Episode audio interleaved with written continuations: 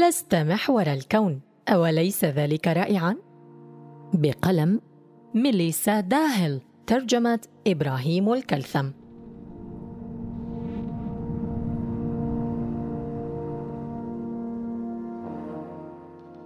ثمة ميم منتشر على الإنترنت يخاطب قلوب الخجولين وعقولهم. ربما رأيته كانت فحوى فكرته كالتالي المخ أراك تحاول النوم. هل سمحت لي أن أعرض عليك أشد ذكرياتك حرجا عبر السنوات العشر الماضية؟ بداية يبدو غريبا أن هذا الميم ذائع ومنتشر بين أولئك الذين تسميهم جيل الألفية الذين نشأوا على ثقافة الاعتداد بالنفس في التسعينات. فنحن من تربى على أن نحب أنفسنا لا أن نعذبها تعذيبا صامتا بذكريات عمرها عقدا كاملا. تعلمنا في فصولنا الدراسية كم نحن مميزون. وكان مفاد ثقافة علم النفس الرائج السائد آنذاك أن الثقة العالية بالنفس طريقنا نحو النجاح. ومع ذلك تبين أن ذلك أعداد رديء للتعامل مع إحراجات الإنسان اليومية بدلا من محاولة التركيز على حب نفسك. اسمح لي أن أقترح موقفا عرف عنه أنه نقيض الحب اللامبالاة. في مطلع الألفية الثالثة ومع شيخوخة ثقافة الاعتداد بالنفس بدأ باحثو علم النفس في نشر سلسلة بحوث عما يسمى بمسامحة النفس التي تعرفها كريستين نيف بما يلي أن يكون المرء منفتحا على معاناته ومتأثرا بها وأن يخبر مشاعر العطف والعناية تجاه نفسه متخذا موقفا متفهما وغير تقييمي إزاء عيوبه وإخفاقاته وأن يدرك أن تجربته الحياتية جزء من تجربة إنسانية مشتركة. سعت جل البحوث في ذلك الحين إلى المقابلة بين مسامحة النفس والاعتداد بالنفس. خذ مثلا هذه الدراسة المتعلقة بالميم المذكور أعلاه حيث طلب الباحثون من طلاب جامعيين أن يتذكروا ذكريات محرجة وقعت لهم في المرحلة الثانوية. ثم بعد ذلك قدم لعدد من الطلاب مواضيع كتابية كان المقصد منها إظهار جانب مسامحتهم لأنفسهم إذ قيل لهم اذكر طرقا خاض فيها الناس تجاربا مماثلة وعبر عن تفهمهم لأنفسهم وعطفهم عليها واهتمامهم بها كما لو كانوا يفعلون ذلك لصديق. بينما قدم لبقية الطلاب مواضيع كتابية كان الغرض منها تأجيج اعتدادهم بأنفسهم فقد طلب منهم أن يكتبوا صفاتهم الإيجابية وأن يصفوا لما لم يكن الخطأ خطأهم وأن الواقعه لا تعكس بأي حال من الأحوال حقيقة شخصيتهم.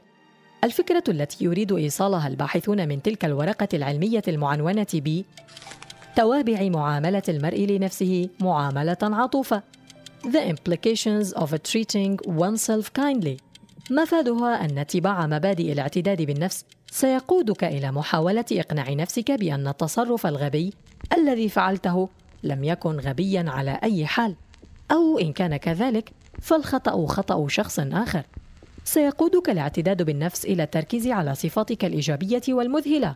بينما مفاد فكرة مسامحة النفس هي أن الاعتراف بدورك في لحظة محرجة تصب في صالحك.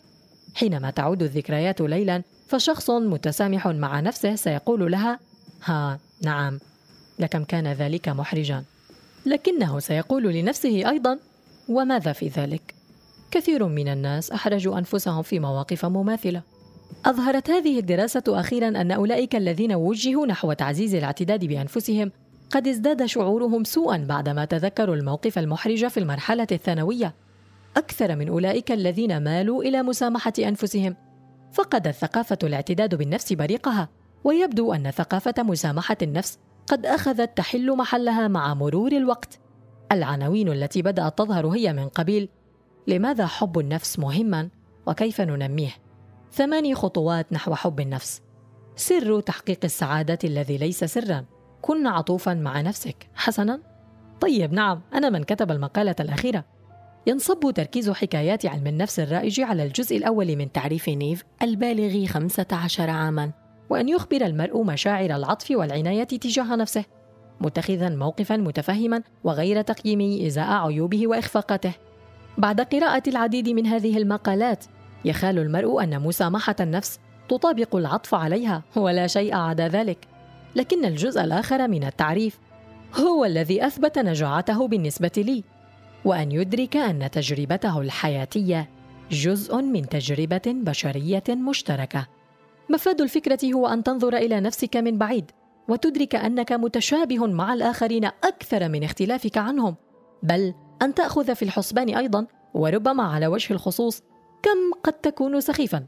كما قالت نيف في إحدى مقابلاتها مع صحيفة ذا أتلانتيك عام 2016 حينما نفشل لا يجدر بنا قول كم أنا مثير للشفقة بل حسنا كلنا يفشل كلنا نعاني. هذا ما يعنيه أن تكون إنسانا. في واقع الأمر إن هذا الجزء من تعريف مسامحة النفس هو ما يجعلني أتساءل إن كان ينبغي أن نطلق عليه مسامحة نفس أصلا. لا شأن لمفهوم نيف بملاطفة نفسك أو ليس بإطلاق على أي حال. هذه الجزئية من التعريف ليست عنك فعليا بل هي عن أهمية التذكر بأنك لست إلا جزءا صغيرا من كل متصل. بالنسبة لي مصطلح اللامبالاة بالنفس يبلغ هذا الجزء من رسالتها أكثر من مصطلحها نفسه. حينما يتعلق الأمر باللحظات المحرجة فذلك يعني أنك تسلط الضوء على سلسلة عيوبك وأن تعترف بأن نعم تلك اللحظة كانت بتلك الدرجة من السوء لكنك ترد بهز كتفيك لا مباليا قد نطلق على ذلك عودة إلى فكرة السابقة اللامبالاة بالنفس وأعني بها تلك الطمأنينة التي تجدها في إدراك أنك لست مميزا. وبالمناسبة في حقيقة الأمر اللامبالاة بالنفس ومسامحة النفس ليست إلا مصطلحات جديدة لمفهوم قديم وهو التواضع. ننحو نحو الاعتقاد بأن التواضع يعني أن تقلل من قيمة نفسك. وهذا سوء فهم يبدو أن دراسة قريبة عهد في مجلة علم النفس التطبيقي قد وقعت فيه. في دراستها للقادة المتواضعين تواضع المدير كما يرى هؤلاء الباحثون يعرف على أنه تقبل المرء لحدوده وتقصيره وأخطائه. أن تكون متواضعا في نظر هؤلاء الباحثين يعني التركيز على عيوبك.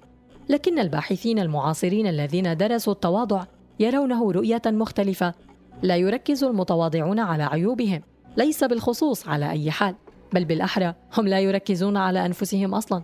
لا يعني ذلك أن المتواضع لا يهتم بمصلحته ولا يسعى وراء اهتماماته بل يراها ببساطة مترابطة مع مصالح الغير واهتماماتهم.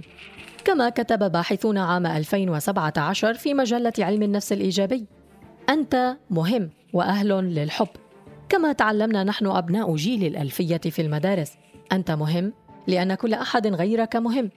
يذكرني ذلك مجددا بتعريف ما أسمته نيف بمسامحة النفس وهو ما أسميته باللامبالاة بالنفس. أن يدرك المرء بأن تجربته الحياتية جزء من تجربة إنسانية مشتركة. فلعل أشد الأفعال تسامحا تجاه نفسك هو أن تكف عن هوسك بها.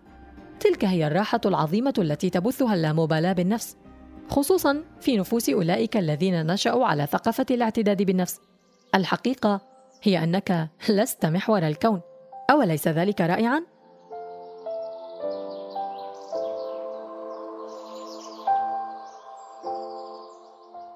ملاحظة توجد اختلافات في تحديد من يمثل جيل الألفية في الغرب وإن كان المصطلح نشأ من هموم بحث علمية إلا أنه انتشر في الاستعمال اليومي بين الناس تحديدا لملامح اجتماعية معينة لطيف اجتماعي ولد ما بين الثمانينيات إلى بداية الألفية الثالثة. وقد يكون أبرز هذه الملامح الاجتماعية هو استخدام أجهزة التواصل الحديثة بأريحية ودرجة أكبر من الأجيال السابقة. بيد أن استعمال هذا المصطلح له معنى آخر في سياقنا اليومي إذ إن لغتنا اليومية تميز بين الأجيال بناء على العقود مواليد الثمانينات مواليد التسعينات إلى آخره. فتعني أيضا بجيل الألفية من ولد في بداية الألفية الثالثة وما بعدها. وهذا استعمال يبدو أكثر حضورا في سياقنا منه في سياقهم.